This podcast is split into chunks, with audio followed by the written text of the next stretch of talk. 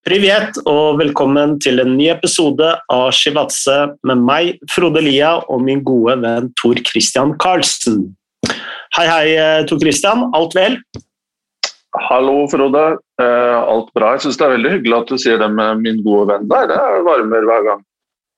Ja, du er min gode venn.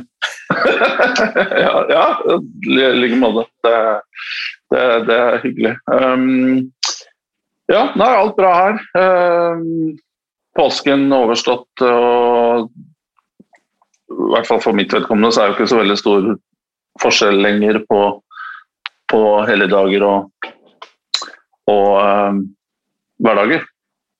Men vi har i hvert fall kommet i gang med å øppe uppe frekvensen bitte litt på disse podkastene her, og det har vi en målsetning om å fortsette med. Ja, eh, takket være teknologien, men eh, jeg må jo si at jeg savner å være i samme rom som deg. Ja, det er litt eh, Det er jo hyggelig sånn på alle måter, men også teknologisk. Det er jo litt sånn Ja, sikkert en bedre opplevelse også for lytterne å høre på proffe mikrofoner og sånn, men nå ser vi lysene i enden av en tunnel som har vart eh, et år her, og kanskje, hvem vet, om et par måneder så sitter vi, sitter vi i studio her. Mm. Vi er på en oppbeat, eh, som det heter. Eh, det som ikke er så på oppbeat, det er det som skjer i Strømsgods nå om dagen. Og jeg tenkte vi kunne starte episoden med å snakke litt om eh, Strømsgodset og rasisme. Altså, det føles jo ut som et tema som har eh, blitt eh, snakka i hjel, altså rasisme. Men fortsatt så er jo dette et tema, så vi kan jo kanskje heller pense inn mer inn på det strukturelle og det prinsipielle. Eh, hva angår en eh, fotballklubb å gjøre. Jeg vet ikke hva du tenker om det, Tor Christian? Jo, jeg syns jo det er en eh, altså, Mange vil jo si at dette her har blitt eh, eh, omtalt mye, som du sier, de siste årene og månedene. Men, men eh, man kan jo ikke slutte å snakke om dette her før man kommer til et sted der man de som er involvert i fotballen, fra uh, toppnivå til uh, egentlig barnefotballen. At man lærer seg, at, lærer seg folkeskikk, lærer seg respekt, lærer seg å oppføre seg ordentlig mot andre. Mm. Det er liksom fundamentale verdier som jeg, som jeg tror uh, Hva skal jeg si? At, at, hvis du skal være en del av fotballen, så er det noe du skriver under på. I mine øyne.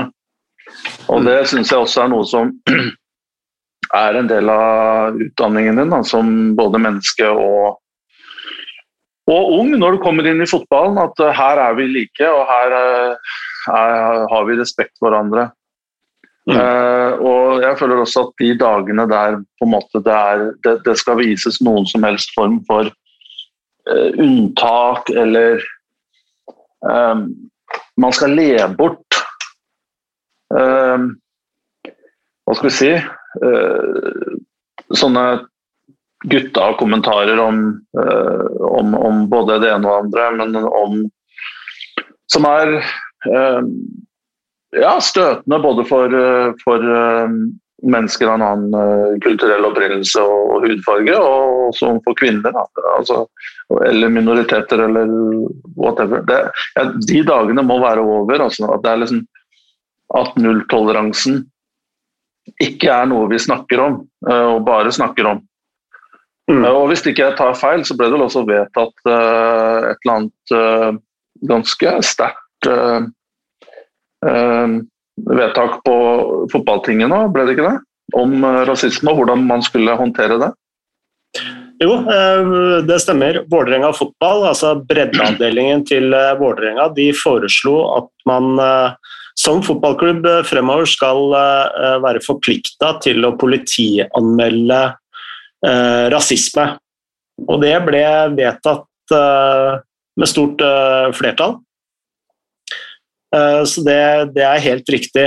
Men før vi går videre i sendingen, så må vi også si at Henrik Pedersen han nekter for at han har sagt noe rasistisk. Men det har kommet ut nå og bekrefta av flere at det har vært sagt rasistiske ting. Så vi får bare legge det til grunn, at det som står i pressen og det som vitner også har hørt, det stemmer.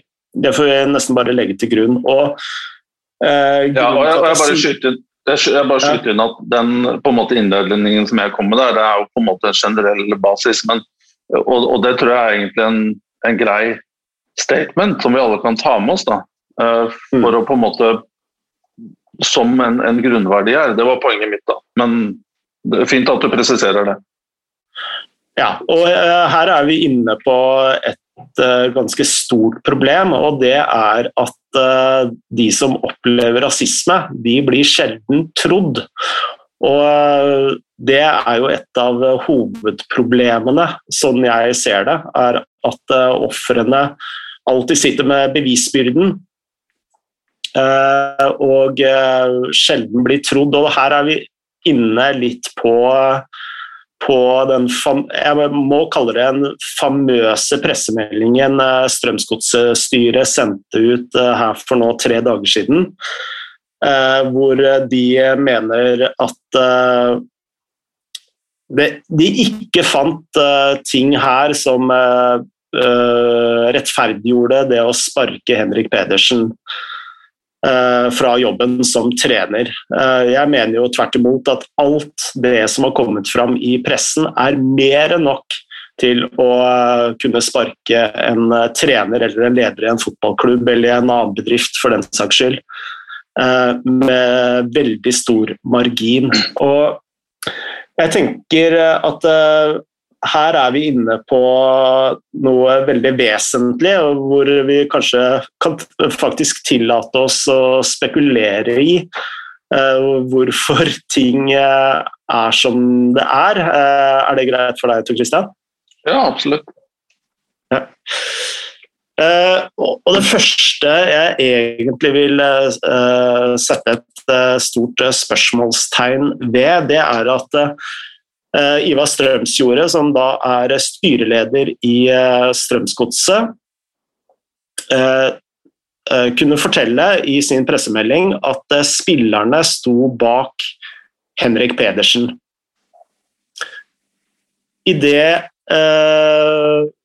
så går det en dag, og så kommer Så melder TV 2 nå, altså i dag, at spillerne tvert imot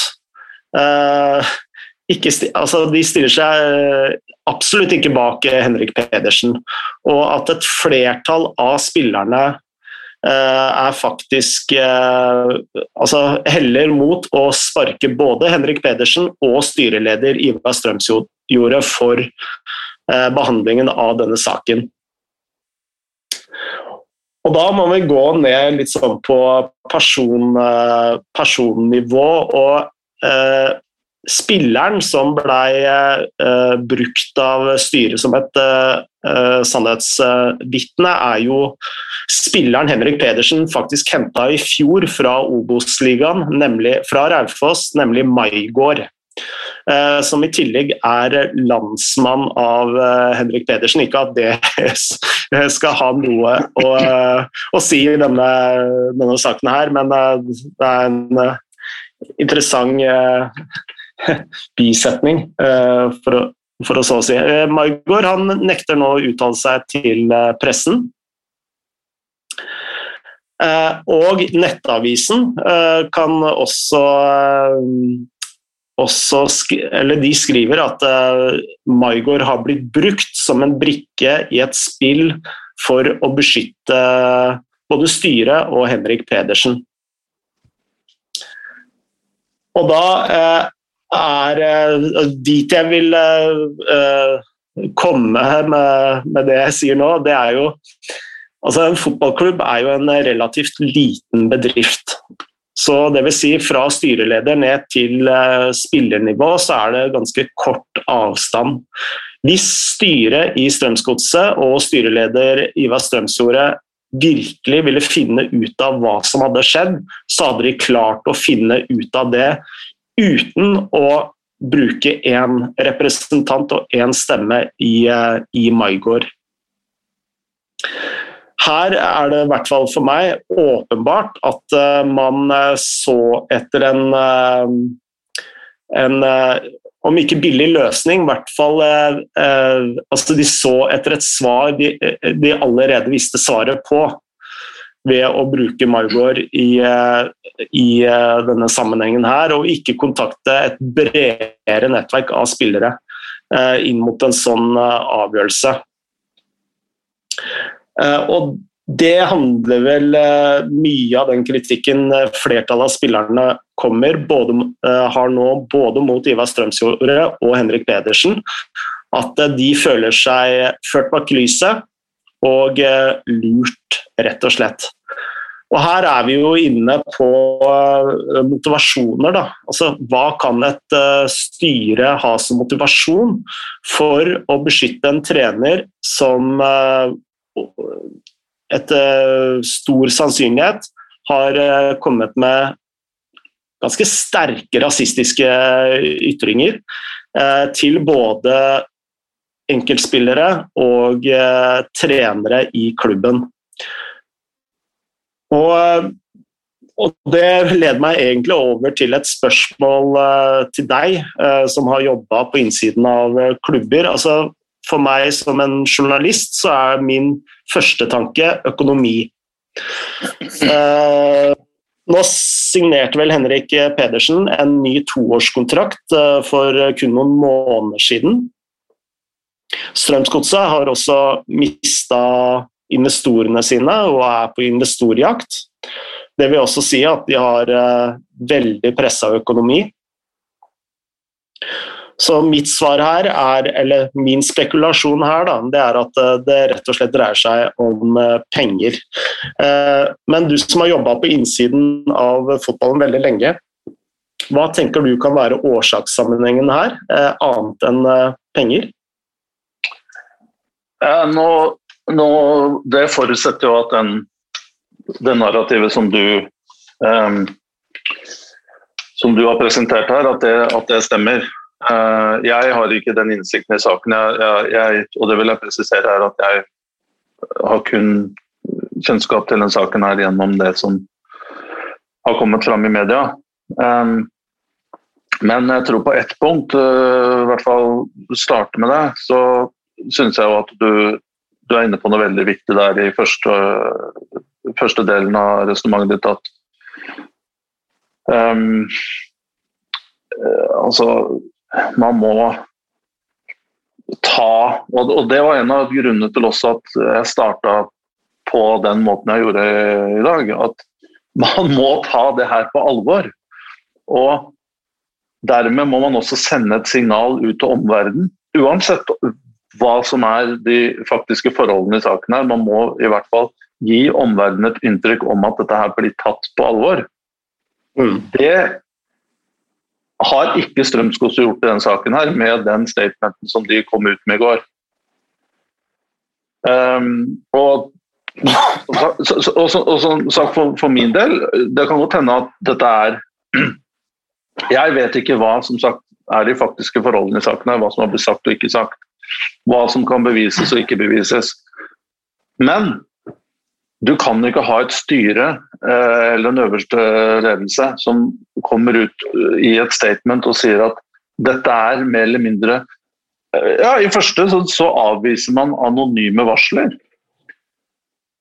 Hvorfor det? Altså, Om et varsel er anonymt Det er mange grunner til at mennesker ikke ønsker å stå fram med et, et fullt navn. Hvis den igjen da, Hvis den teorien som du kom med her er riktig, så er jo det forståelig at man ikke vil gå ut med et navn.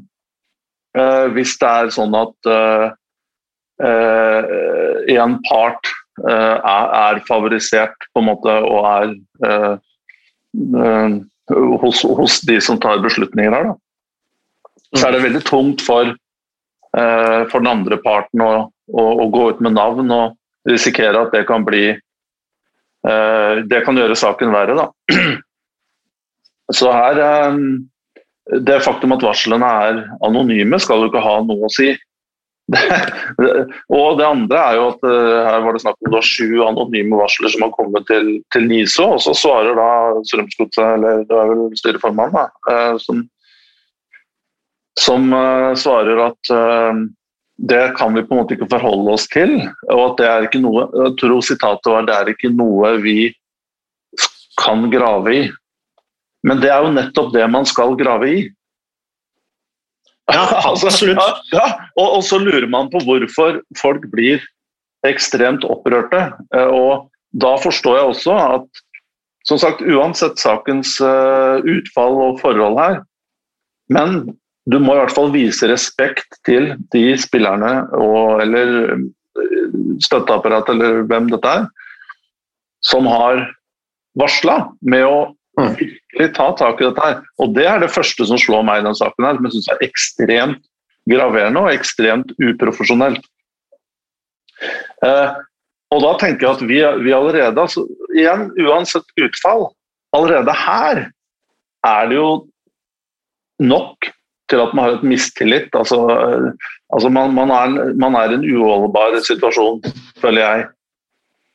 Det andre punktet her, det er det du også sier med Maigård, som eh, ble, på en måte, har blitt en brikke her. Um, uh, Visstnok. Uh, og i dag så sier jo også andre spillere at de ikke ble spurt direkte. Um, at det ikke var en dyptgående etterforskning, da, granskning av dette her. Og at alt Eh, eller majoriteten, hovedandelen av um, kontakten som de har hatt mot spillergruppa, har vært gjennom Maigård. Igjen så er dette her det er strykkarakterer. Igjen så viser jo den manglende vilje til at man ønsker å løse saken. Og som du mm. også var inne på, igjen så viser det Man kan jo om det er riktig eller galt, så kan man i hvert fall få en mistanke om at man ikke ønsker å få vite sannheten her. så det, jeg, jeg, jeg syns den saken Og jeg er også jeg er veldig litt, jeg er litt, litt skuffa over eh, over eh, egentlig norsk media, som ikke Nå har jeg ikke sett hva Drammens Tidende har skrevet på kommentatorplass som er tettest på her, men at ingen har på en måte vært uh, litt lenger frampå her og, og ser hvor alarmerende den, den, situasjonen her faktisk er. Um, så nå husker jeg ikke helt spørsmålet, men bare de to tingene der er jo det som uh, har slått meg. Uh, og det er jo ting som man i hvert fall kan kommentere ganske fritt uh, ut fra det som har kommet frem i media her. Fordi når alt kommer til alt, om det er for Henrik Pedersen sin skyld, som ønsker å renvaske seg, eller om det er for disse varslerne og spillere eller andre som etter sigende har blitt um, utsatt for, for uh, rasisme, så fortjener jo dette her en enormt inngående granskning. og, og her er det bare vært liksom, her, her virker det som ting bare skal bli føyd under, under, under teppet så fort som mulig. Men, ja, men, spørsmålet ditt var om økonomi der, det, det kan ikke jeg spekulere i. Eh, jeg vil jo tro at det beste igjen, da, start, utgangspunktet er, og eh, starting point for alt sånt, er å finne fram til sannheten. Og hvis det viser seg at um, hvis, det, hvis, det, viser seg at, uh, at, at det har vært rasisme i bildet her, så er det jo klare retningslinjer på hvordan Eh, den eh, på en måte Hvordan det arbeidsforholdet skal eh, ja, gå videre eller ikke videre. Altså det, det, er jo bare og jeg kan jo ikke det, det, er jo ikke et, på en måte et forhandlingsgrunnlag da, hvis det er bevist og man har nok vitner her til at det er oppriktig rasisme som har, skjedd der. Da. Det, det, vil jo tiden vise.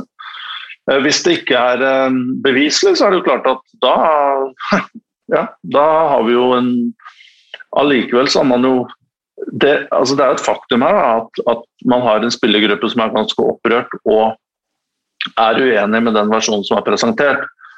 Uh, og da er det jo også ganske klart at uh, selv om uh, altså Det er jo noe som skurrer her. Og, og, uansett utfall så vil det jo være en ganske ja, uholdbar situasjon da, når disse her skal møtes igjen på treningsfeltet og gjøre de siste forberedelsene til en ny sesong.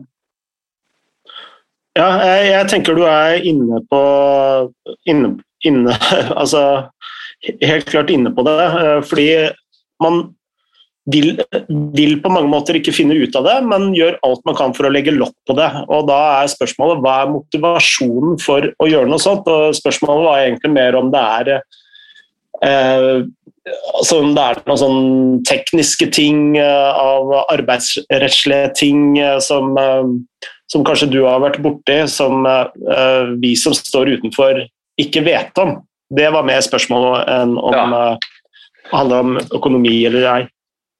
Nei, det, det, kan jeg ikke kommentere i, i, og med at jeg ikke kan faktaene her. Men, um, men som jeg sier, punkt én, og, og, der mener jeg også man har så veldig mye å gå på. da.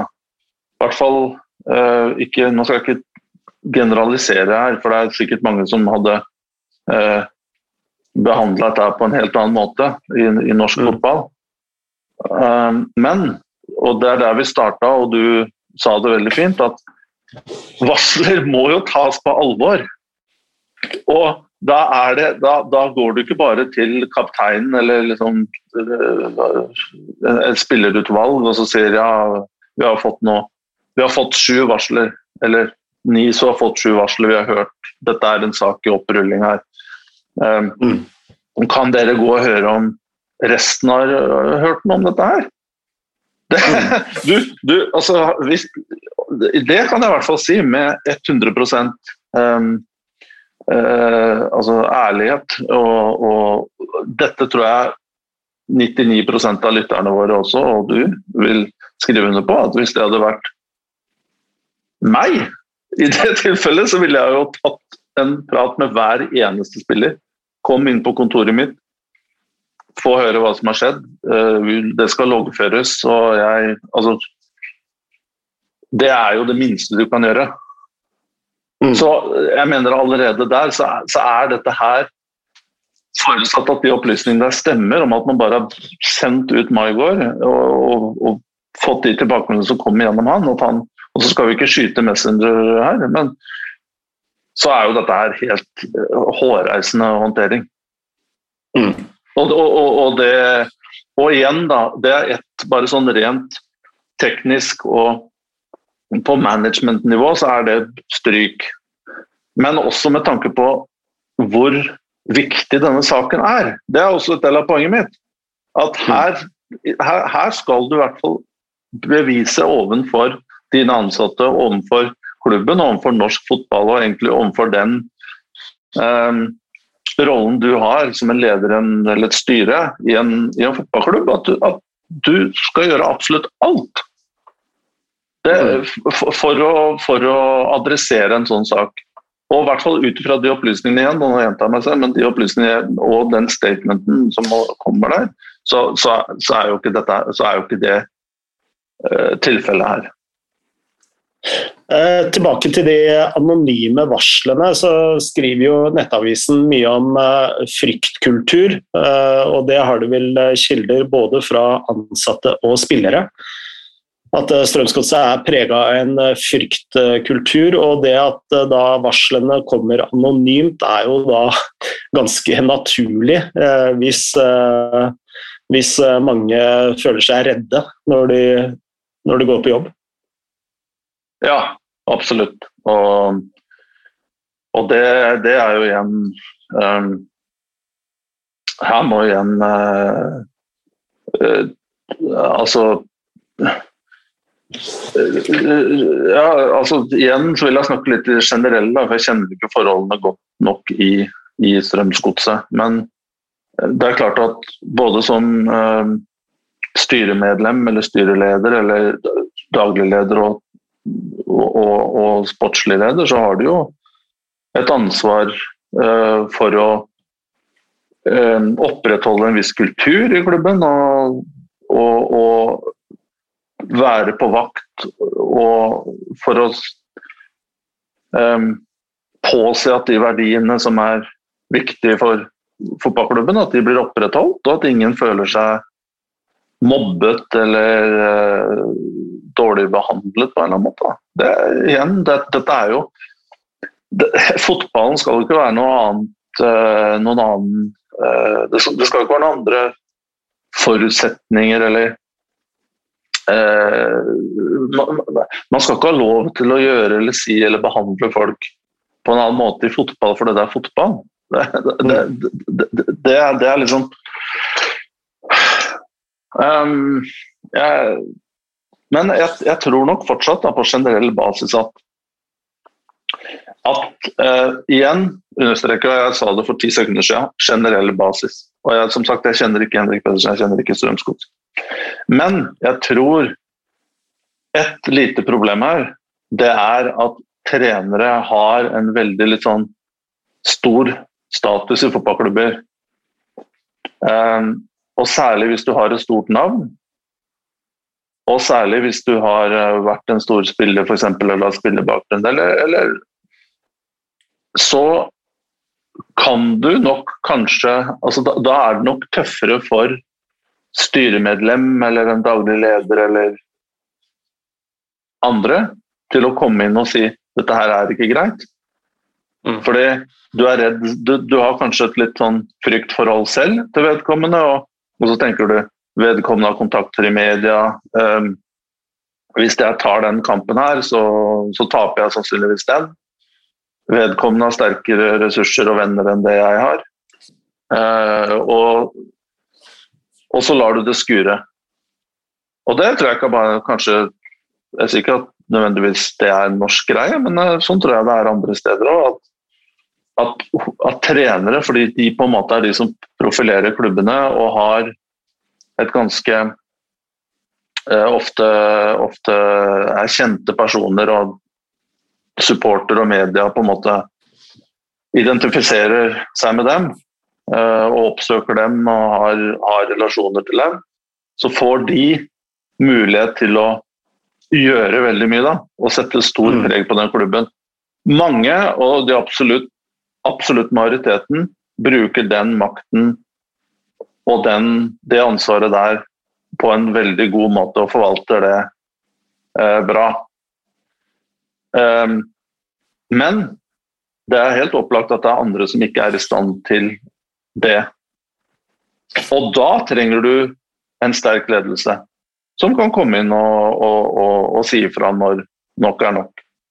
Mm. Det, det, der, der, tror jeg fotballen har et, uh, har et lite problem. Og, men jeg vil jo faktisk si at jeg, jeg, tror det er en ny generasjon på vei opp nå med, med trenere som tenker og opererer på en litt annen måte. Mm. Og som faktisk er, og, og, som også er for, på en måte, som også driver denne prosessen, disse prosessene i riktig retning. Jeg, jeg, tenker at av og til så kan det hende at eh, styret sitter for langt unna klubben, og eh, treneren blir litt sånn enerådende i en klubb. Altså han eh, er plutselig over både sportsdirektør og daglig leder, med tanke på det du også sier. da. Og at eh, det i noen tilfeller eh, kan eh, gi en litt sånn skjev og uriktig maktbalanse. Ja, det er uten enhver tvil. Og her, her eh, Men igjen, dette her er jo veldig kompliserte dynamikker da, bak. Mm. Eh, supporterne har lett for å ta eh, side med, med, med, med Trenere kan være altså, veldig populære, ikke sant. Eh, de, de har en relasjon til supporterne, de har en relasjon til media, som jeg sier. og Derfor er det, liksom, det er ikke noe fristende å gå inn i, og ta i dette her. Fordi du vet ikke hvordan du vil komme ut selv. Men mm. der, det, det, da er klubben en svak klubb. Da. Og da er den på en måte konstruert på litt feil måte og har feil mennesker. Og, men, jeg, men, men, jeg, har også sett Jeg har vært i mange, mange møter med uh, eiere. Uh, jeg har vært der og styrer, trenere. Altså. Og noen ganger så har man jo også sett at eller jeg trenger, ikke, å snakke i tredjeperson her. Når jeg starter med, med, å si jeg, så kan jeg fortsette med det. Jeg har også sett at uh, noen ganger at trenere uh, At det er en At det er en uh, Jeg skal ikke si frykt, men en man skal gå veldig langt før man tør å egentlig stille kritisk, kritiske spørsmål til hovedtrenere. Eh, fra hvis du er et styremedlem eller hvis du er styreleder. Og, mm. eh, så der igjen eh, Ja, jeg, jeg, er enig med deg, eh, men vi som sportslige ledere og, eller eh, ledere generelt, vi har jo også et ansvar her. Vi kan jo ikke bare si at hovedtrenere har for stor makt. Eh, da har man jo latt dem få for stor makt. da. Mm. Eh, men dette er ekstremt komplisert. da. Det, det, det er ikke svart eller hvitt. Eh, og jeg må, igjen presisere at, jeg må igjen presisere at de absolutt overveldende majoritet da, de forvalter sin, um, sin uh, makt eh, og innflytelse på en eksemplarisk måte. Men jeg tror også det er en Igjen, da, nå ble det et veldig langt resonnement, men, men det er veldig, jeg synes det er veldig interessant det du spør om.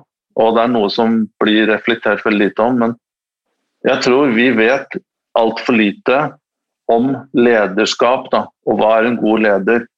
Og I fotballen så er det ofte sånn at ja, hvis man, en, hvis man ser Man har på en måte to, eh, to eller tre måter å uh, definere en leder på. Det er det du ser på uh, det, det, det, du ser på før ansettelsen. Da. Det du ser i intervjuer.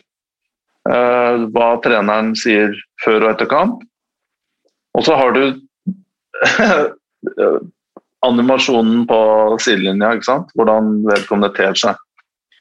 Ja. Og da, da, og da, eller hvis det er X-spiller, så begynner man å tenke på kamper vedkommende har spilt, og ja, var en stor leder og sto fram sånn og sånn og så litt morsk ut og kjefta litt. Så forveksler vi dette her med godt lederskap. Men det er så vanvittig syltynn empiri, da. Og, og beslutningsgrunnlag. Og så ender man opp med trenere som man på en måte Oi, her Det her var ikke det vi, vi trodde vi fikk. Og så er det en annen ting da, Frode, som vi også har vært inne på, så er det dette her at igjen da, det er mediepersepsjon. Man ser hvordan trenere uttaler seg til i intervjuer hvor man snakker om ja, jeg har lært av disse feilene og jeg er et nytt menneske og bla, bla, bla. Som naive mennesker da tror på og kjøper. og så det er her, her igjen, da. Det, det, kommer jo tilbake til at man må ha en veldig ryddig og omfattende prosess før man, før man henter noen inn i, inn i sitt miljø. Da. Det jeg tenker, eh, og har tenkt ganske mye på, det er eh, hvor komplekst det egentlig det å være trener fra et lederperspektiv egentlig er. Da. Ehm, særlig når vi snakker om dette med fryktkultur, fordi fotballen i sin natur er jo veldig sånn du skal stille harde krav, du skal peppe opp eh, spillere osv.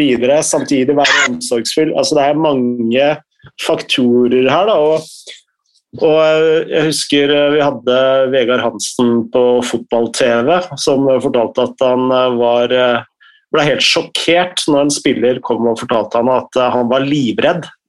Altså Han var livredd Vegard Hansen.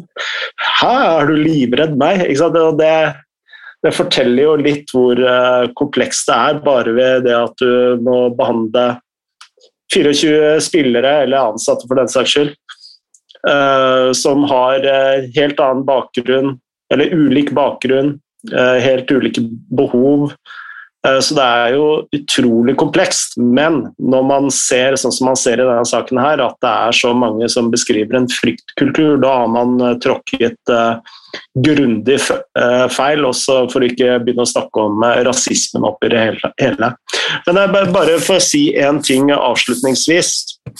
Med tanke på styret i Strømsgodset, og det er at altså, jeg har jobba i mange bedrifter, i media og i fotballen. og det jeg vet, det er at eh, hvis du vil finne ut av ting, så finner du ut av ting. Og For meg så er det helt åpenbart at eh, Strømsgodset-styret ikke ville finne ut av ting. At De ville finne et, altså de starta med, starta med svaret og karikerte en, en forklaring i etterkant. Det er for meg helt krystallklart. Det fins ingen annen måte å forklare hele håndteringen av denne saken her sånn jeg ser det. Kanskje litt hardt sagt, men det er for meg krystallklart. Ja, det, det, er jo Altså hva, hva, Alternativet er jo at man har tatt for lett på det eventuelt, og det er jo heller ikke, ikke bra. Hvis det er noen lyder her nå, sånn, bare opplyse at det er jeg som lager meg en kopp te her akkurat nå. Um, men Eh, som multitasker så klarer jeg faktisk å prate og, og lage en te samtidig. Eh, selv om mange av lytterne sikkert eh, er overraska over at jeg, at jeg, klarer det. Men jeg vil jo bare si at ja, jeg syns du sa det bra. Dette er ekstremt komplisert. Og som trener så har du er det ekstremt mange skills som man må mestre. Um, og jeg tror nesten man er der at uh, hvis ikke du har ekstremt gode forutsetninger og uh, altså det, er, det, er jo veldig få som uh, varer mer enn to-tre år. Det har vi snakka om tidligere med sykluser og alt mulig sånne ting.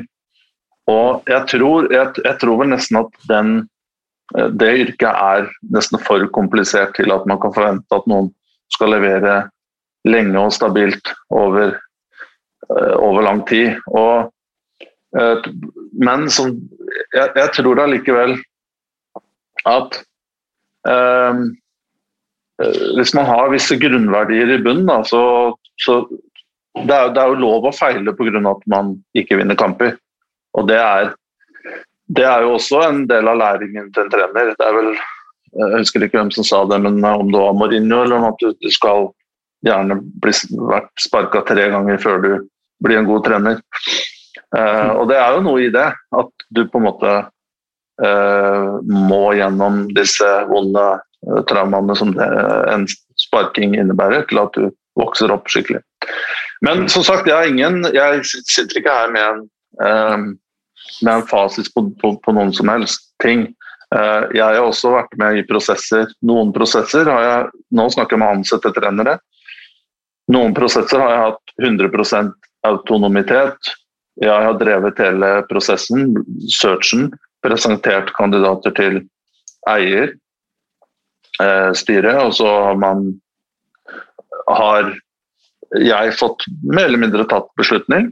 Um, andre prosesser så, så har det vært litt sånn uh, blanda. Um, og, og, i noen så har jeg måttet innrette meg også etter hva andre har ønsket. Da. Uh, og det er jo heller ikke bra, men det er jo um, Igjen, da, nøkkelen her da, uh, er jo at man uh, Hvis det er én ting jeg har lært da, mye av i fotballen, så er det akkurat de der treneransettelsene. Og, at man ikke, og, og hvis jeg igjen kommer i en i, i, en posisjon hvor jeg skal være offisielt involvert i den type arbeid for, altså som en person i en klubb, mm. så, så, er det i hvert fall et arbeid som jeg kommer til å ta ekstremt uh, uh, ja, gå tilbake til uh, altså der, der, skal man ikke slurve. Altså. Så, men, men det, det, får være samtaleemne for en annen chihuahua. Det er jo veldig mange som er interessert i akkurat det her. Ja, jeg merka jeg ble ganske interessert nå. Kan jeg bare spørre kjapt, er det noe du eh, vil se i etter en trener i dag som du ikke gjorde for tre, og fire og fem år siden? Ja, jeg det, det, det kommer jo an på Det kommer jo an på eh, å si, klubben, ambisjonene, hva slags spillere du har og, og alt sånne ting som du også må ta med i, i betraktning. Spillestil og mentalitet. Og. Mm. Men for å svare konkret på spørsmålet, det er et veldig godt spørsmål, syns jeg, så, så, tenker jeg at beste utgangspunktet, kanskje i en search, det er å se litt vekk fra først. Se litt vekk fra merittene, se litt vekk fra, uh, fra CV, og se på personen. Og jeg tror uh, i hvert fall se 100% vekk fra spillekarriere. Det er totalt irrelevant. Kanskje i ett eller to tilfeller så klarer du på en måte å Så kan du lage en, en eller annen forklaring på at ja, men han vedkommende vet Akkurat der så var det nyttig at vedkommende hadde spilt på et høyt nivå. Men det, men det har ikke noe jeg, jeg har holdt på med det her i, som sagt, i mange år, og jeg, jeg, min konklusjon er i hvert fall at det har ingenting å si. Eh, jeg tenker at hvis du er Jeg syns det er spennende med folk som har en pedagogisk utdannelse, f.eks. Eller har altså jobbet med mennesker, da. Eh, og, og er, forstår psykologi og forstår um, atferd, forstår Ja, altså, empati, da. Vi har snakket om det tidligere òg. Det, det, er veldig viktig.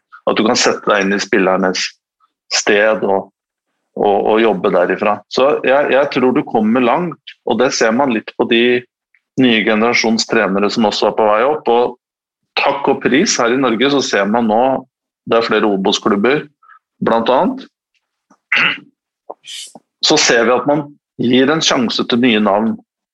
Uh, unge navn som får prøve seg. Uh, det er helt fantastisk. Og de jobber på en helt annen måte. De opptrer på en annen måte, de er mye mer ydmyke, de er smartere vil jeg påstå, enn generasjonene som har vært.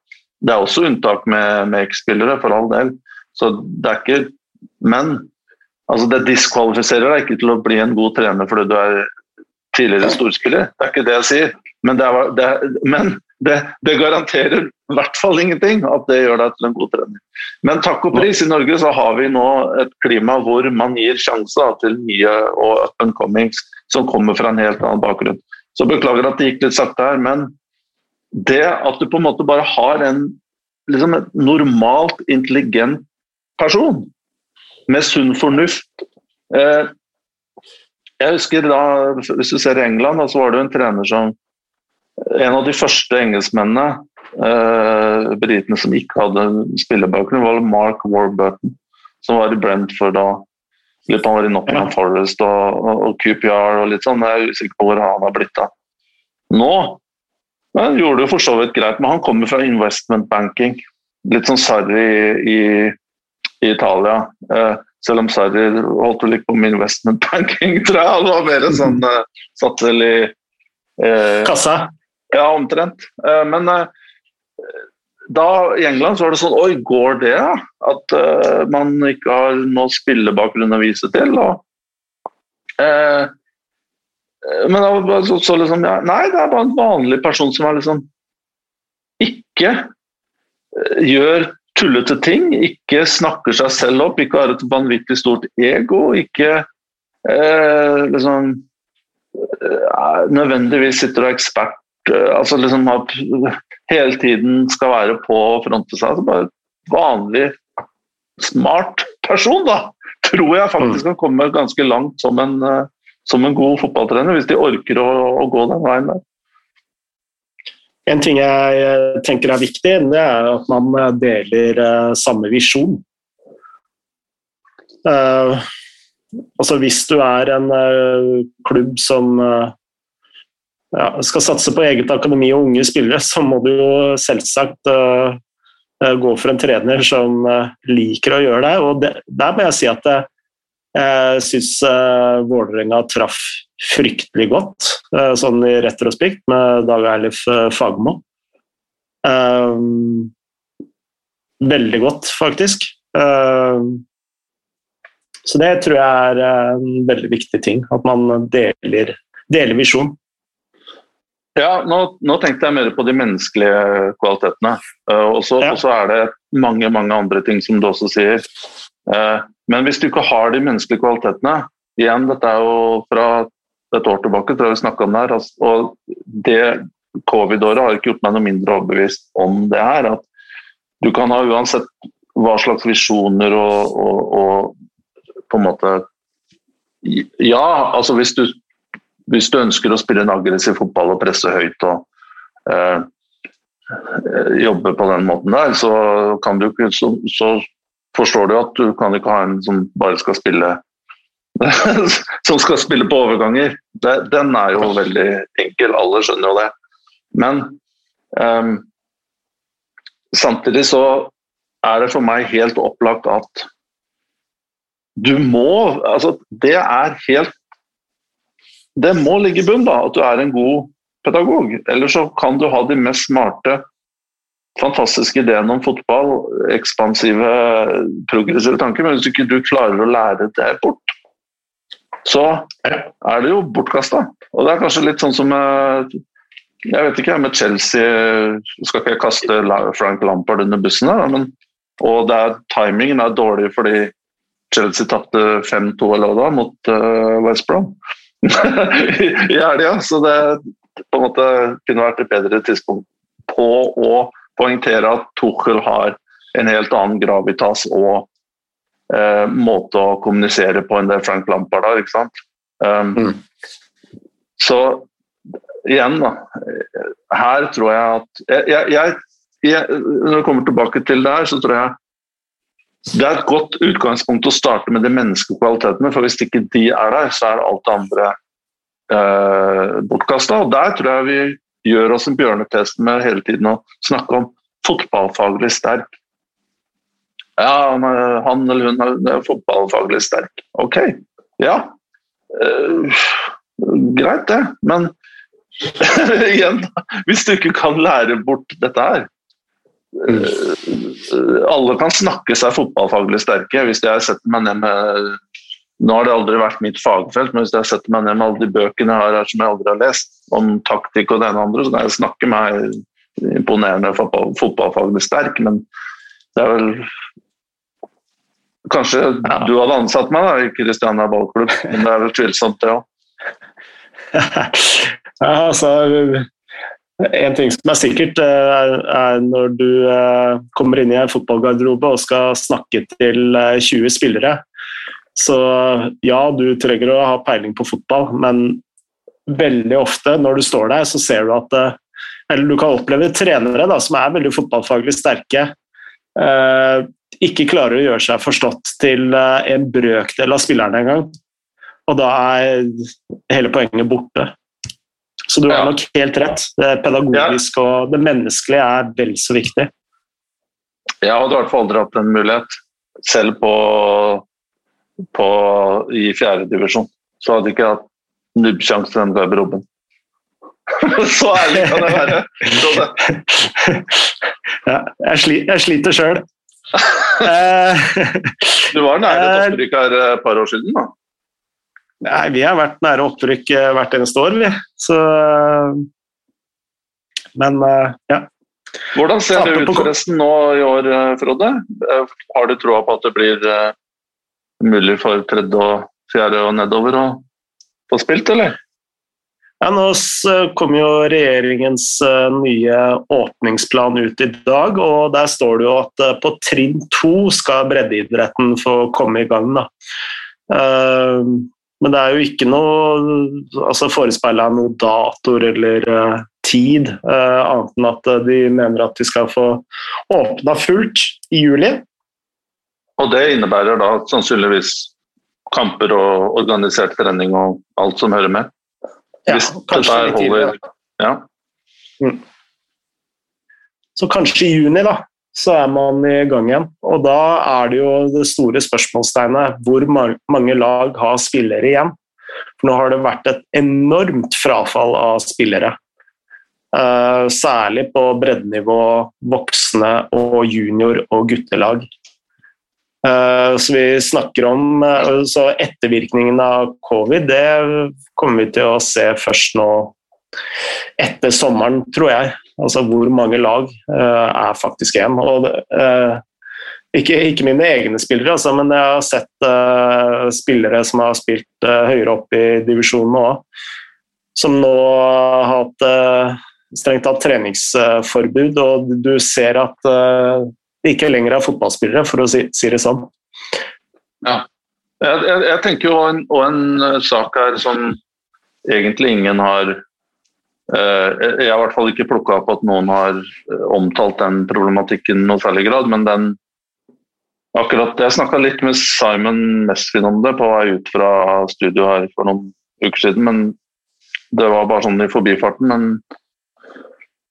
hva som skjer med disse spillerne, eller hvordan har eh, Nå tenker jeg på elitenivåer, så jeg beklager hvis, hvis jeg ikke Eh, fokuserer på og, og, eh, og herre i, i, først grad. For det er jo på en måte Jeg har ikke gått god nok innsiden i kvinnefotballen ennå til å uttale meg med noe særlig pondus. Men akkurat den gruppa da, som ligger mellom 15 og, og 19 mm. eh, De som ikke har fått spilt eliteserie eller Obos eller andre divisjon. Eh, ok, andre er vel litt annerledes, men i og med at fjerde og tredje som, som arena for, for unge, unge, spillere, altså disse andre lagene osv., samtidig som det eh, Man hadde jo ambisiøse spillere også i tredje, uh, unge. Mm. Og at de har blitt Og samtidig også landslagsfotballen da, uh, har vært borte uh, for både på gutter og jenter siden G15 opp til G19, um, J15, J19. Og at det er Nå har vi gått nesten halvannet år uten landskamper da, på EM-kval og sånne ting. Hvordan På en måte Hvilke skader har, har skjedd der? Mm. Det kunne jeg tenke meg Skulle gjerne hørt uh, kyndige mennesker uttale seg om, for det må jo være ikke bare på treningsgrunnlag, men, men også på kampgrunnlag, men også på det mentale. At du har blitt sånn frarøvet Og jeg sier ikke at dette er noen skyld, altså. Det er blitt som det har blitt pga. en pandemi her, men at man ikke lenger Ja, men det er mange som har mista drømmen her, da. Som du er litt inne på. Ja. Uh, mista drømmen, mista motivasjonen. Ehm, jeg ser det også på mine egne barn som ikke spiller fotball, men eh, som spiller håndball. Som er i den aldersgruppa der at eh, når det bare er løpetrening og styrketrening eh, på én meters avstand, så du mister litt av piffen. da. Du mister den kampen en gang i uka som du gleder deg litt til for å bryne deg på. Og eh, det er jo eh, Oslo fotballkrets gjorde en undersøkelse eh, her for et par måneder siden, og det var jo alarmerende tall eh, som ble rapportert inn om frafall. Ja, det er fryktelig trist. Men eh, apropos gjenåpning, eh, så kan vi komme Vi brukte lang tid på dette her, men på punkt nummer to på agendaen eh, vår, og det er eh, utsettelse av eh, Eliteserien. Nå er det seks klubber, og det er Lillestrøm, Stabekk, Strømsgodset, Mjøndalen, Sandefjord og Haugesund, som nå har spurt, eller sendt inn en søknad til, nei, til Norges Fotballforbund om å få utsatt de to første serierundene slik at de kan eh, få trent. Og eh, det er, alle disse klubbene har jo hatt treningsforbud med tanke på disse 5A-restriksjonene. Og argumentene er eh, hensynet til eh, spillernes helse. Og øke tilsnittet av fair play ved å redusere den negative effekten for klubbene som kommende mandag ikke har kunnet trene på 26 dager, sier styreleder i Lillestrøm sportsklubb Morten Kokkim. Og jeg lo litt av det, fordi vi snakka jo mye om dette i forrige, forrige episode. Og Jeg kan jo begynne med et par tanker jeg har rundt eh, akkurat dette her. og Da er vi inne på, på uh, Fotballforbundets uh, og Eliteseriens rolle da, som uh, konkurransearena. Og altså, Den åpenbare ansvaret deres er jo å arrangere en turnering. Men jeg mener jo Kokkim også har et argument. Da, at de har jo også et ansvar for Eh, å i størst mulig grad eh, legge til rette for eh, fair play. Så for meg så syns jeg at dette er gode argumenter for å få utsatt Eliteserien i to uker. Særlig med tanke på at dette er jo ganske store bedrifter det er snakk om. Altså det er mye penger involvert. Eh, store konsekvenser for å rykke ned, så veier den, det fair play-argumentet ganske tungt, tenker jeg. Jeg veit ikke hva du tenker? Jo, jeg, jeg eh, følger deg. Um, og jeg har ikke noe innsikt her heller, uh, som uh, Altså innsikt i ordets rette forstand. Jeg har ikke på en måte noe kontakt med med forbundet eller um, som, uh, som, som, er ansvarlig her. Men kan jo få bitte litt sånn inntrykk av at altså Jeg ville jo trodd at det var en dialog da, med at klubbene var mer involvert. Litt som vi var inne på der med Bodø-Glimt i forrige episode. At man kanskje at, at, ting kunne ha blitt litt sånn tatt på sparket i 2020, var jo forståelig. Dette er jo en situasjon som ingen har opplevd tidligere. Men uh, når vi visste uh, i januar at uh, vi har ikke fått rista oss denne pandemien her ennå, så, så kunne jeg være interessert i å vite hva som har blitt gjort kollektivt. Altså hvilke samtaler har blitt gjort med klubbene her om Og da, i de samtalene så ville jeg jo ha eh, forutsett at Eller antatt at den, at den problematikken her ville ha kommet opp. Så jeg syns ja. det er rart at, de, at, man ligger på etterskudd der. Man, man, kunne jo se at allerede da så var man jo langt på vei inn i en eh, atmosfære med lokale tiltak og Eh, at eh, Oslo kunne man gjøre ditt, og i, i, i eh, Skien kunne man gjøre noe annet, og i Tromsø så gjorde man andre ting igjen. ikke sant? Så at, at noe sånt uh, ville oppstå det, så, Jeg er bare litt sånn forundra at dette her på en måte kom opp nå, da.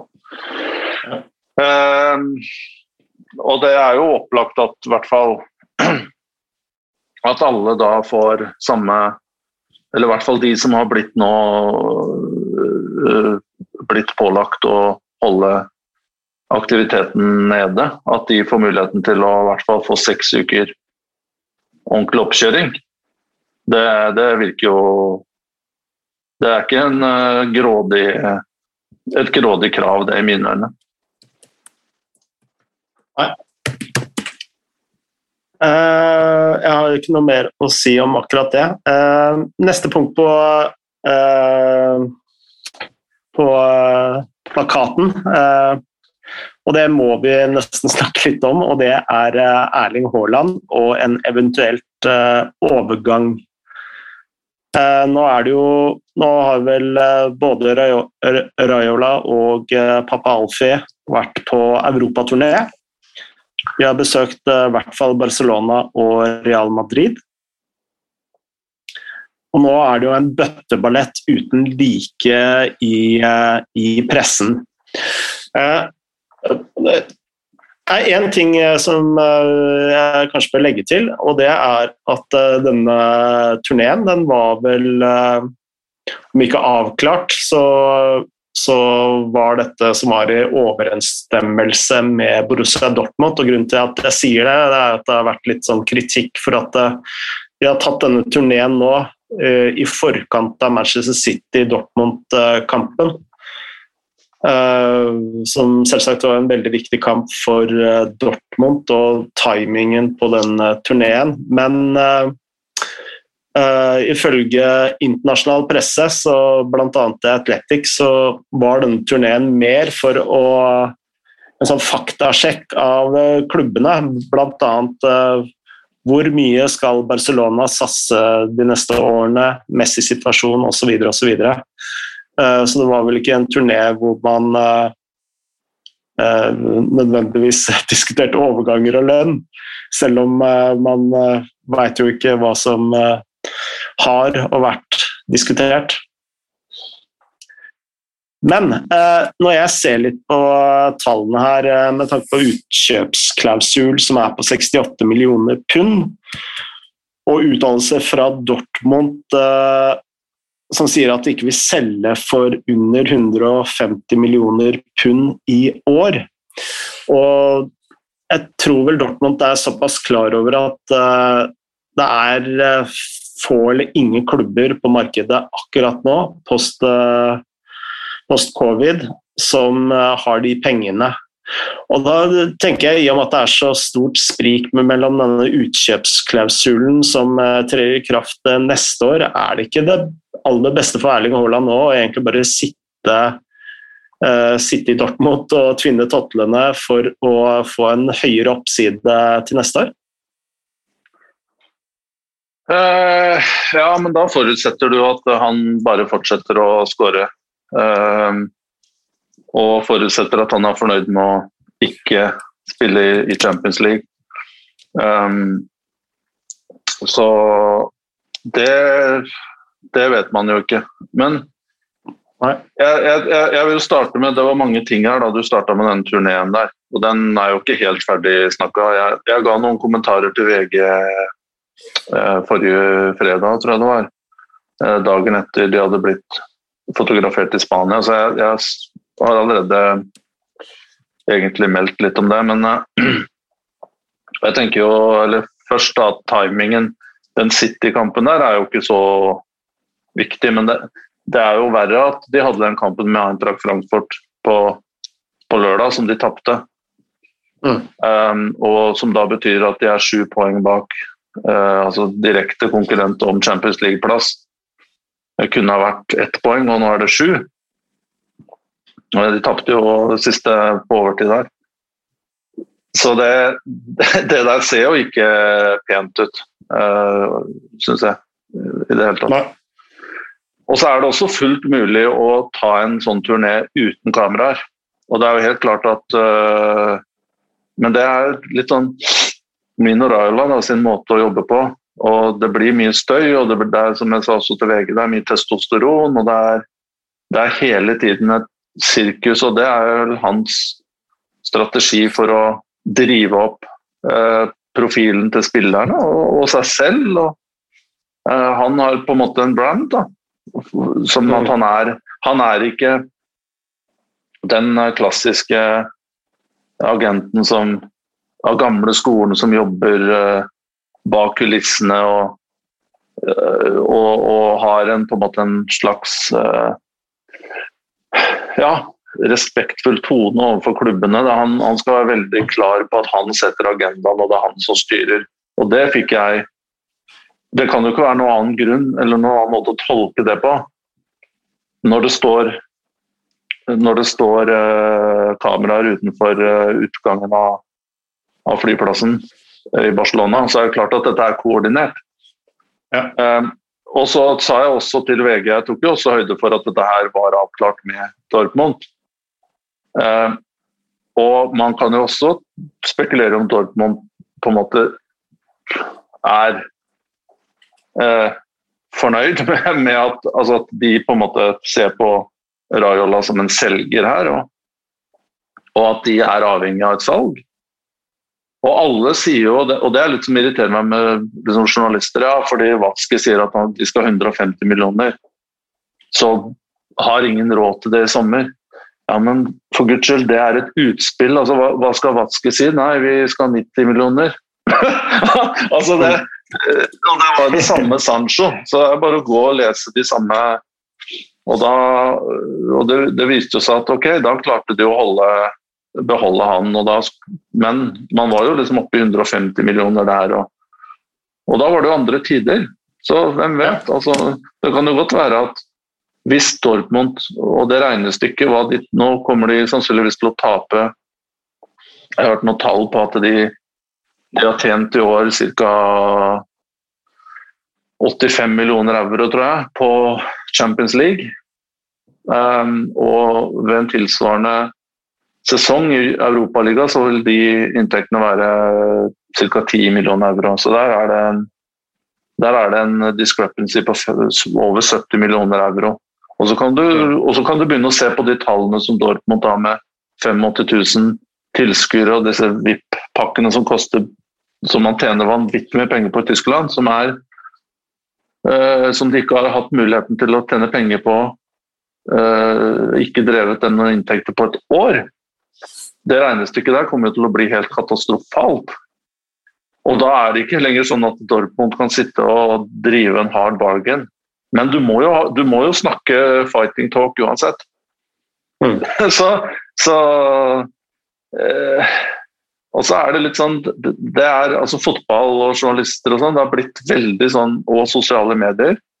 Det har blitt ekstremt um, Nesten litt sånn som uh, aksjemarkedet, hvor man liksom media har fått så stor rolle å snakke opp de aksjene og kjøp de fem her. Uh, og så kommer småsparerne og, og, og stimer inn. For det er liksom og, for, og, det er forum, og du ser bare en GameStop-greie. at liksom Det er eh, Sentimentet har blitt så veldig viktig. Følelsene og hva på en måte snakket, da, retorikken her, enn mm. verdiene. Og Sånn er det litt med, blitt med fotball òg, fordi nå er det femte kamp uten scoring for Haaland. Så er det liksom Nei, nå er 150, det her får de aldri. så, men hva om Haaland begynner å skåre litt igjen, da? Ja. Liksom plutselig, nei, han forsvinner. Nå er Chelsea klare fordi de Hvis eh, summen blir 75 millioner euro neste sommer, da, da, går han ikke til Chelsea, så de må inn nå for å gi Dortmund mer. Og, liksom, dette her er det er, uh, dette her forandrer seg uke etter uke, ikke sant? og så er det jo uh, så jeg tror man må liksom zoome ut, og så må man se at Haaland per i dag er eh, verdens mest attraktive fotballspiller. Det vet de store klubbene, ellers så hadde ikke de hadde ikke Juan Laporta sendt den der eh, Mercedesen uh, for å hente, hente Alfie og, og, og, og Raiola. Han møtte ja. vel også personlig òg? Ja, det kan være. Jeg så det var noe med sjåføren der. Og jeg vet ikke om det er plass til Tre stykker er, det er vel kanskje det. Hvis du skal ha men du skal ha noen livvokter og litt sånn inn der, så er det vel ikke men. men by the way, det hadde også vært fullt mulig å komme seg ut av den flyplassen der uten å bli sett. da. Det er jo utganger og VIP uh, um, VIP-utganger og sånn som det er mulig å lure seg ut, og spesielt nå som det er covid. Men, men det som er faktum er at Erling Braut Haaland er, er, per i dag den mest attraktive fotballspilleren i verden. Mm. Uh, og det det kommer ikke til å forandre seg om uh, ene eller andre. Så jeg uh, Og Dortmund uh, snakker jo opp sin uh, forhandlingsposisjon. De har en god fallback. I verste fall så får de kanskje 75 millioner euro neste sommer. Og du har også rett at da går mer i potten til Kanskje mer i potten til, til Erling. Ja. Men jeg tror ikke han Men igjen, her er det også journalister da, som liksom spekulerer i det. Jeg, det som er viktig her, tror jeg er det Erling Braut Haaland selv ønsker. Det, og det er det ingen som vet. Han vet det, kanskje. Og kanskje faren. Og det er det som vil avgjøre ting her. for hvis, okay, hvis det er fem klubber da, som er interessert i, i, i Brauten øh, nå Han får sikkert tilbakemeldinger fra faren sin nå om at ja, virkelig god Vi ble vanvittig godt mottatt i London av Chelsea, eller ja, i City så var det litt kalde. Eller whatever, eller omvendt. Ja. Så jeg tipper de har jo en Eh, Erling Braut vil høre på disse tilbakemeldingene fra faren, og de vil se på dette her. Og hvis han føler at nei, jeg, jeg, jeg må bort herifra og Dortmund får en, en, bra sum, og de trenger de pengene og Så tror jeg ikke Erling Braut går og tenker sånn Jeg kan få eh, Jeg kan få fem, eller jeg kan få 40 millioner euro i året neste år. I år får jeg bare 30 altså det, jeg har også hørt de teoriene der, men hva, liksom, hva man blir skada Hva man uh, For en trener som spiller på navn Nå er Marco Rose der. Hva man, hva man, presse hardere enn det han gjør nå. Nå er det jo opplagt at han han, uh, han er jo ikke noen sånn sterk gjenvinningsspiller. og ja, hva Marco Rose sier at ja, nå har du fått mye frihet. Du, skal, du har hatt Favre her som og Terzic som har liksom latt deg bruke energien på, på, på andre ting enn presspill. Men nå, nå, det, nå, skal vi gjøre det på en annen måte her. Ja, så får du ikke 35 mål ut av Braut Haaland neste år, du får 15 eller 18. Da. Så det er jo mm. liksom Jeg, jeg syns det er helt merkelig at folk begynner å trekke konklusjoner på, på hva som skjer med han nå. Jeg tror den er, den ballen der er fortsatt i spill. Apropos uh, rykter i pressen og sånn, så jeg leste jeg, ikke, jeg, husker ikke hvor jeg leste det, men at han hadde antydet at han ville heller til City enn United. men jeg, altså, det var jo ikke noen sitater eller noe sånt, det var bare sånne antydninger og sånt. Og det minner meg om Martin Ødegaard-overgangen til Real Madrid, for jeg husker jeg ga ut en eller Josma ga ut biografien til Lionel Messi på norsk. Den boka hadde Ødegaard kjøpt og lest, og så kom han med en tweet. da. jeg husker ikke ordrett hva han skrev, men det var åpenbart at han mente Lionel Messi var en bedre spiller og Barcelona en bedre klubb enn Real Madrid. Men, og, og året etter så var tweeten sletta, og han var i Real Madrid. fair det, da. Jeg har sletta ja. mange gamle, dårlige tweets, jeg òg. Ja, helt fair, eh, men uh, poenget er at den City-argumentasjonen den kan fort snus opp ned på. Men allikevel så blir jeg veldig overraska over at folk går så lett på Eh, at det som, fordi Watske sier vi har ha 150 millioner, fordi Guardiola sier vi har ikke de pengene, så er den off. Ja, hva annet skal de si, da, hvis de blir spurt om det? Altså, Manchester United gikk jo hele høsten og de sa jo ikke et ord om at de var interessert i Sancho. De bekrefta jo aldri det, men alle vet at her ble det jobba bak, bak, kulissene. Og det er jo fair, det. Altså, hvorfor skal Manchester United drive og snakke om, om det men det virker som at her tar man Altfor god fisk? Ja, eller at det tar for gitt. Altså, dette er jo forhandlinger, og man, man prøver å snakke opp sin side av ting. og så, ja. jeg, må bare, jeg, må bare, si det at det var ikke mitt poeng ved å nevne de 150 millene som Vatske eh, Det var bare et tankeeksperiment. at eh, altså, Den differansen er mellom 68 millioner pund, som er utkjøpsklausulen, og Vatskes ønskepris da, på 150 millioner pund i år. Der er det en stor differanse da, som uh, i større grad kan tilfalle Erling eh, Braut Haaland hvis han har litt is i magen, og hvis han fortsetter å skåre mål, og hvis at eh, interessen er fortsatt like het. Det var mitt poeng. Ja, jeg forstår det, men samtidig så er det jo det der med det stopp, For meg så stopper det på at Watzke sier Det faktum at han kom med en pris, det er jo i mine ører en svakhet. Da har han jo mm. sagt at han, vi er åpen for butikk. Og når han i tillegg vi er åpne for business, og når han i tillegg da, eh, Raiola, reiser rundt eh, på roadshow med Dortmund sin blessing, som du påstår, så er det opplagt at her må man prøve å få til et salg.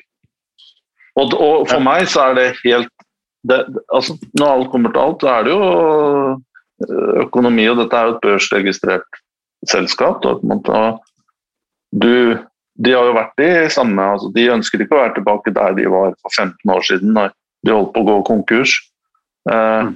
Så at de må selge enten Sancho eller Haaland, og sannsynligvis begge, det er jo veldig sannsynlig når det ikke blir Champions League.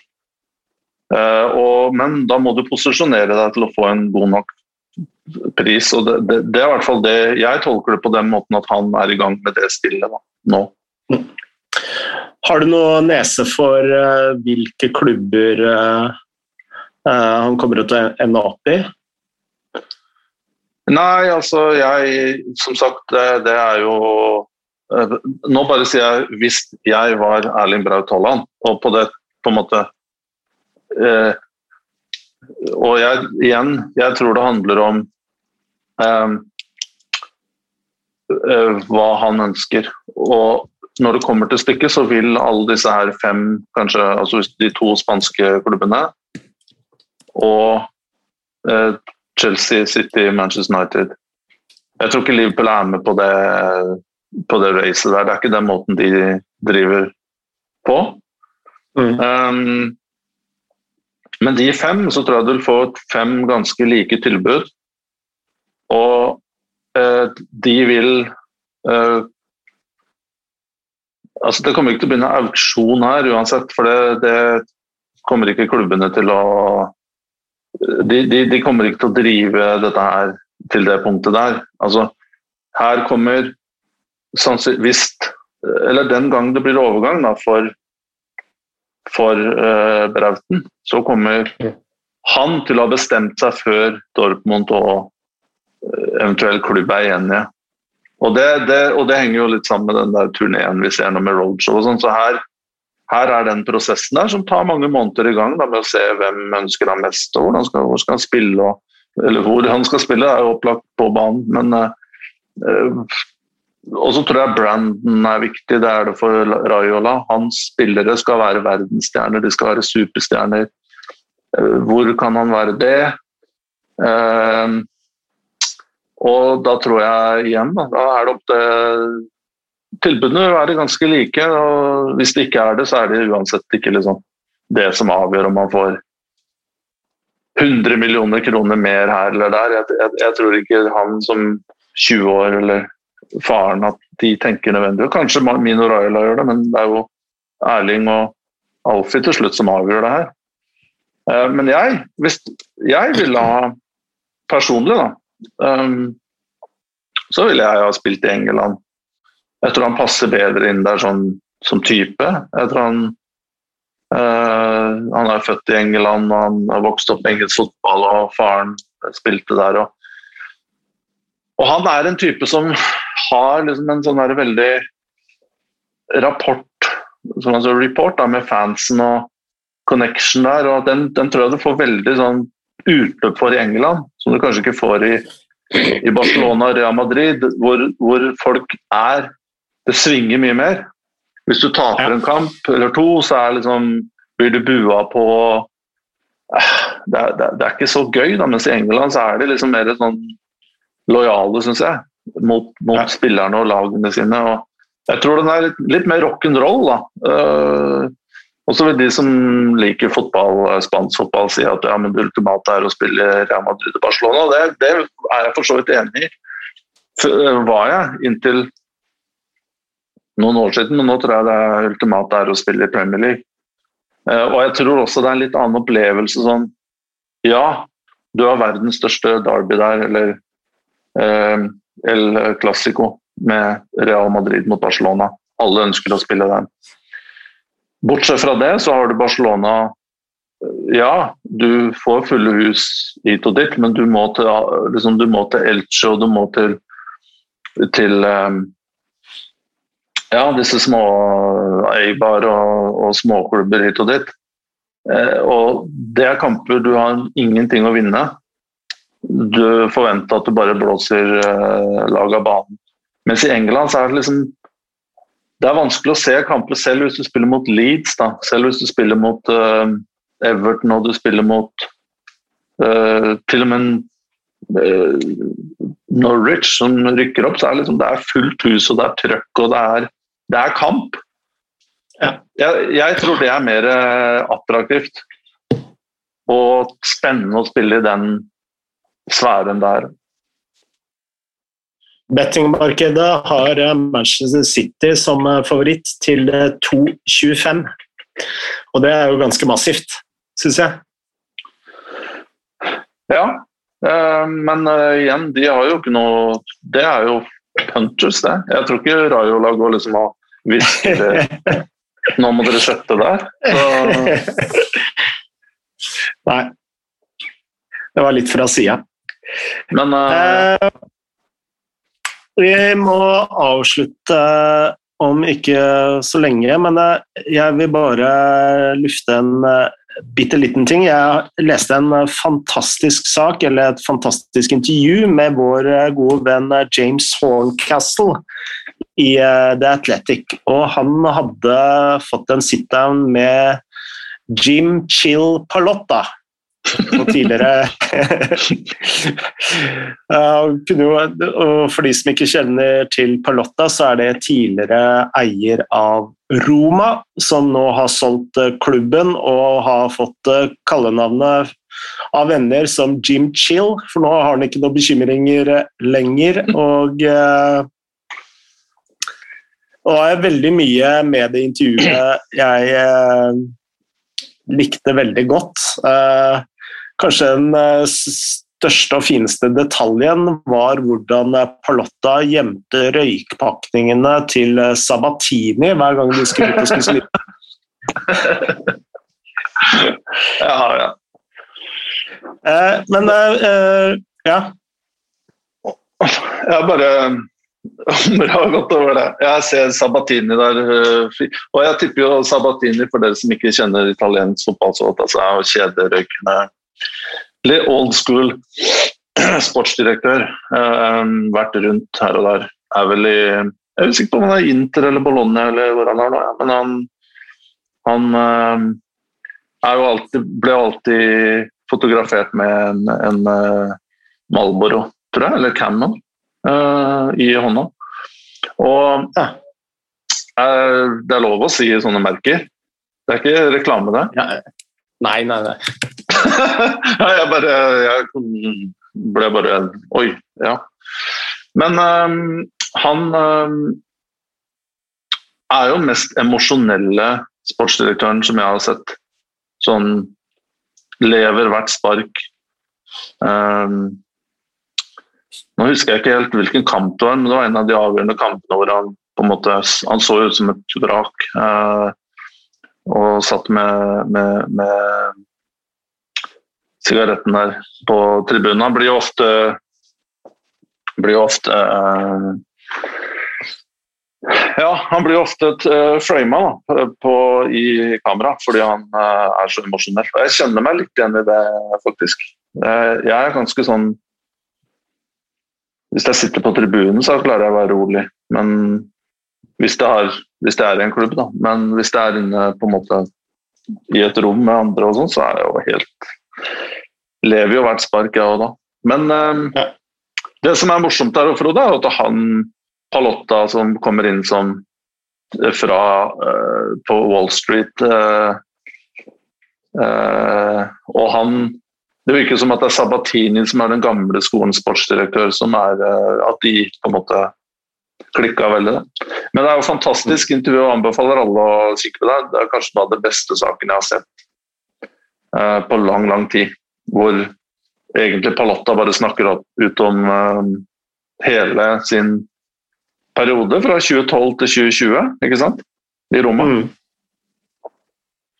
Ja, det jeg syns var litt interessant uh, med saken det er, altså, Palotta var jo den første internasjonale eieren i Serie A, eller i hvert fall den første amerikanske eieren inn i Serie A. Og han uh, forteller jo at han hadde jo null kunnskap om uh, fotball. Og veldig ulikt andre amerikanske eiere som uh, prøver å innføre alt fra moneyball til egne teorier. så så gikk han med Sabatini og Massara og Baldini og litt den gamle skolen da, eh, eh, med Roma. Helt til de fikk inn Monchi. Monchi. som kan kanskje beskrives som en litt annen greie, i, i hvert fall i Roma-sammenheng. Så det syns jeg var veldig interessant. Og, og hvordan også Palotta Altså det er Eh, altså, eksterne eiere blir jo veldig ofte utskjelt uh, med tanke på det som skjer på fotballbanen, og det er jo uh, selvsagt det som skjer på fotballbanen som, som uh, er det aller viktigste, men det er jo også mye annet i det å utvikle en klubb som er vel så viktig for klubben på lang sikt. da. hvor han har gjort en enorm jobb vil jeg si, ved å modernisere hele klubben. Og uh, han fikk jo veldig mye pepper eh, for å gå til angrep for, eh, mot kurven og innføring av ID-kort osv. osv. Videre. så det var deilig å se litt sånn innsikt om hvordan han hadde tenkt, og hvordan hele det Roma-prosjektet ble drevet, drevet frem. Ja, han han, eh, det er klart Du må jo være en spesielt anlagt person for å ta den plassen som han gjorde. Eh, og jeg tror nok at i Roma, som er en veldig spesiell klubb eh, altså Bare gå tilbake i historien. og Hvis du kan litt om Italia og du kan litt om Roma, så skjønner man jo at altså Det er jo hele på en måte altså moderne europeiske historie starter jo der. og Det er et sted hvor man har vært vant til eh, en keiser. altså, og dette er jo noe som har romerske keisere. Dette er noe som på en måte man aldri har sluppet i, i, i Sør-Italia og kanskje rundt hele Middelhavet, men at man skal ha en leder og man skal ha en person å se opp til. Um, mens lenger nord så har det blitt flatere strukturer, og vi jobber bedre i team. og kan godt hende, og Det virker som at man jobba bra i teamet der i Roma, men Palotta måtte vise seg. og jeg husker hver gang Han han var jo basert i Boston, tror jeg, eller Miami, eller hva det var. men Raptor eh, Group, tror jeg det heter, eh, selskapet hans. Stemmer. De er, de er jo fra Boston.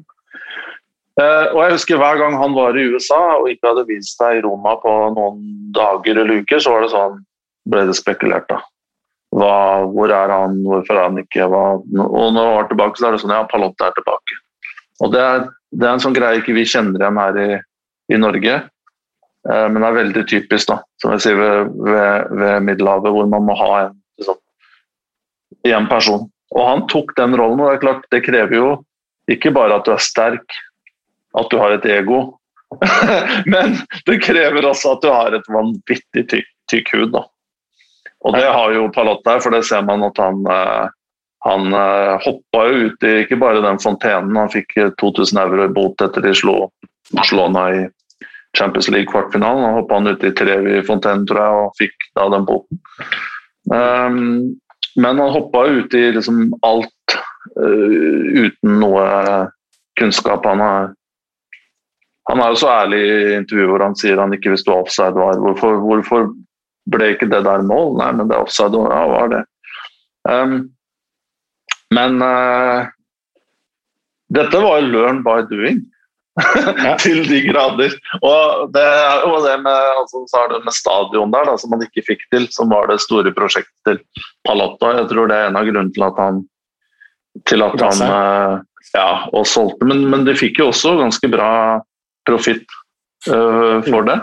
Uh, og så er det flere sånne småsnippets der da, som jeg syns er interessante. Ja, med, som sier Monshi. Um, hvor kanskje Han sier jo at de hadde tre-fire møter i forkant av ansettelsen, og at tonen var god osv. Men det tok han bare et par-tre uker eller en måned eller hva det var, før han innså at det var feil mann, fordi Monshi ville gjøre alt på sin måte. Eh, og det skal også sies at eh, eh at eh, Palotta hadde jo også veldig troa på, på, data. Han, jo, han har jo sin egen hadde jo sine egne quants i, i Boston, som, eller New York, som han brukte. Og det var jo en av problemene hans med Monchi, var jo at han ikke ville se på deres funn rundt spillere. Men um, nå det, er jo, det tror jeg er et av problemene kanskje nå til Roma, uten at jeg er en så stor ekspert på den klubben. her, men er, Han har jo etterlatt seg et visst vakuum. Uh, og det er ingen som tør å stå fram på den måten som han gjorde. og man kan si hva man vil om den type eiere som tar så mye plass og er så offensive og uttaler seg så mye. Det, veldig, det kan være irriterende hvis du um, Det kan være irriterende i, et, i, en annen setting, der det ikke er så veldig mye som skjer, eh, at feil folk uttaler seg. da. For da er det liksom Da er det ikke plass til andre.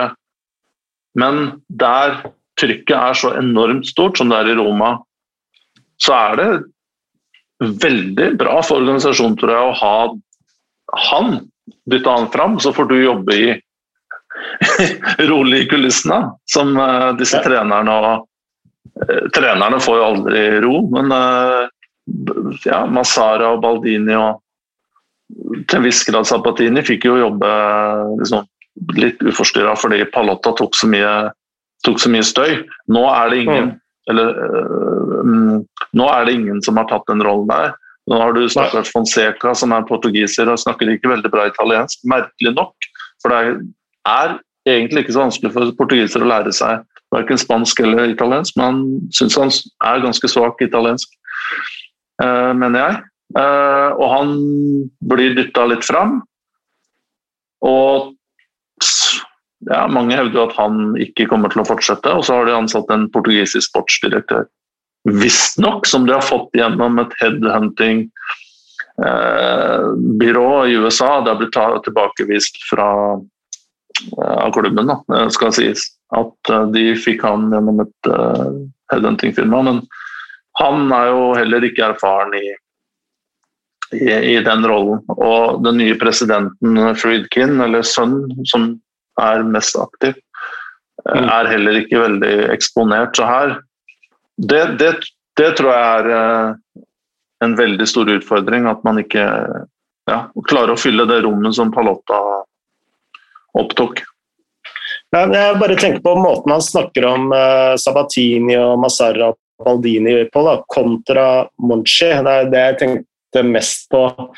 Jeg snakker om gamle skolen og nye skolen, og det er noe vi har snakka om mye her i Shivatse. Det er eh, hvordan eh, de legendariske sportsdirektørene i Italia er, eh, er så smoothe. De er så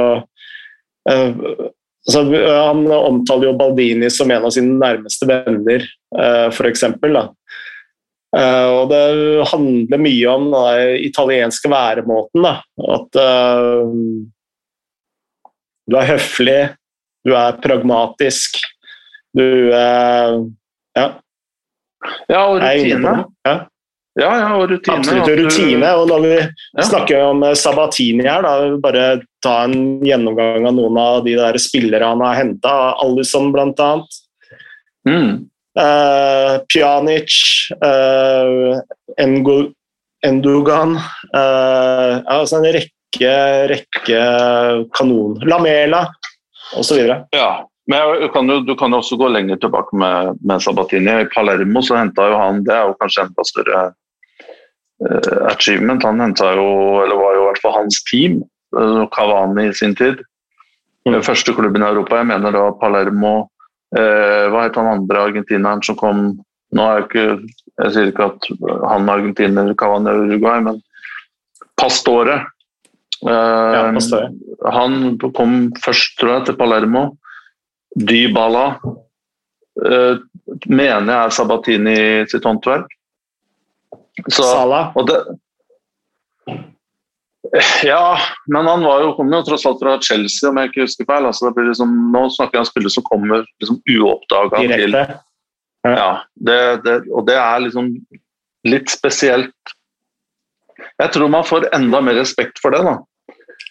Og der har du til, eh, som du sier, da, der har du til Roma, Alison som kom ukjent.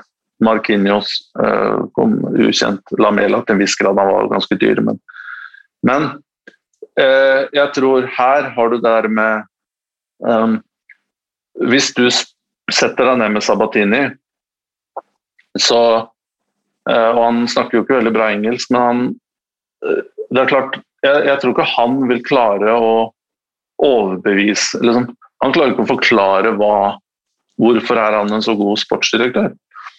Uh, og Derfor så tror jeg kanskje at han er litt undervurdert, fordi han har, har uh, mye av magefølelse og erfaringsbasert. ikke sant? Mens i dag så er vi kanskje i overkant Vi skal ha det nye, vi skal ha, alt skal forklares med tall og med tangibles.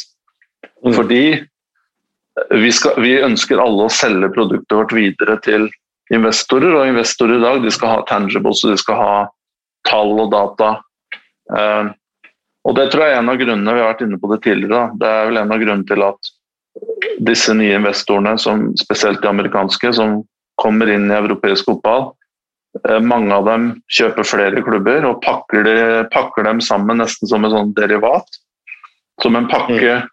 Og så skal de selge det videre til amerikanere, og da vet de at ok, for at vi skal få oppmerksomhet og respekt for det produktet her, så må det må, må, det, må, vi ha analytics, vi må ha de prosessene, vi må gjøre ting på den måten. Eh, og, og, bruke tall for at de skal forstå det, og som de kjenner.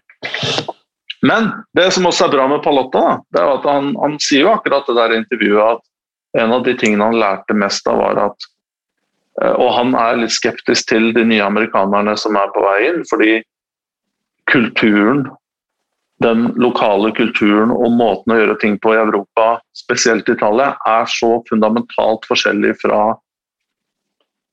USA. Mm. At én ting er å investere i England, der er man det er anglosaksons så eh, man jobber på eh, man, man, finner hverandre og forstår hverandre, men Italia er så spesielt. Og det advarer han litt imot her. og han er jo klok av skade til en viss grad. Så, men uh, igjen, uh, skal ikke bruke så veldig mye mer tid på det, men jeg anbefaler i hvert fall andre å lese det intervjuet. Det er noe av, som sagt, da jeg, jeg, jeg, tror det tok meg en time å lese den saken. Det er noe, må være 10 000-12 000 ord. Det er noe av det beste jeg har lest. og Full marks til uh, vår gode venn James Horncastle. Mm. Bra. Eh, det, vi får avslutte med den, eh, den anbefalingen der. Ja, det har vært hyggelig. Så skal vi prøve å være litt mer eh, igjen, prøve å være litt mer produktive. Og komme med en ny chihuahua om ikke så veldig lenge. Det skal vi gjøre, og da får vi si som vi alltid sier, ha det godt og lev vel. Moderne media.